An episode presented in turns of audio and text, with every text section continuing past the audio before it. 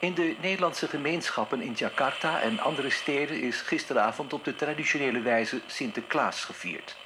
Al droeg het feest onder de druk van de omstandigheden een bescheiden karakter. Voor de eerste maal hield Sint-Nicolaas geen officiële intocht in Jakarta.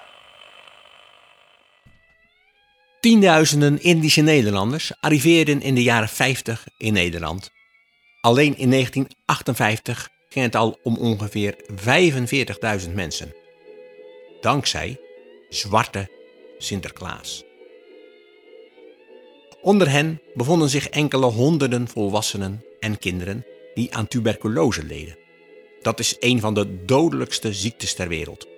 Nog steeds. Dus het was een, uh, het was een, uh, een enorme killer disease, zou ik het nu noemen. In Nederland aangekomen gingen zij naar een sanatorium voor TBC-patiënten en verbleven daar soms jarenlang in quarantaine. Vergelijkbaar met de lockdown zoals tegenwoordig. Nou, ik denk wel heftiger, want uh, die mensen uh, die lagen er wel twee, drie jaar.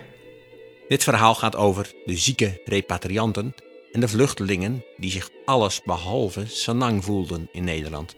Maar die mensen uit Indië, ja, die, die, die waren niet echt op hun plek. En over hoe ze door familie toch zo goed en zo kwaad als het ging werden geholpen. De echtgenotes van die mannen die in de paviljoens lagen, die brachten allemaal Indisch eten mee.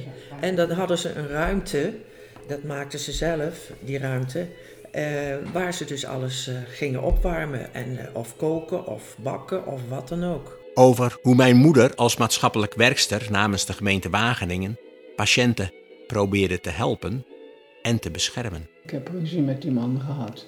De directeur en jij als meisje van 22?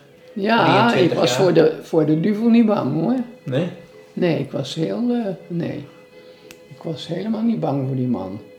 En over hoe zij een thuis moesten vinden in tijden van enorme woningnood. Iedere gemeente was verplicht om een, een percentage nieuwbouw van de nieuwbouwwoningen uh, aan, uh, voor die Indische Nederlanders af te staan. En hoe ze daar moesten vechten om een nieuw leven in Nederland op te bouwen. Het is hier zo koud dat de kinderen s'nachts bij me in bed kruipen. Wat ik eigenlijk wel zo plezierig vind, want ze zijn net kleine kacheltjes. Zoveel warmte stralen ze uit. Dit is de podcast Oranje Nassausoord als huis van aankomst.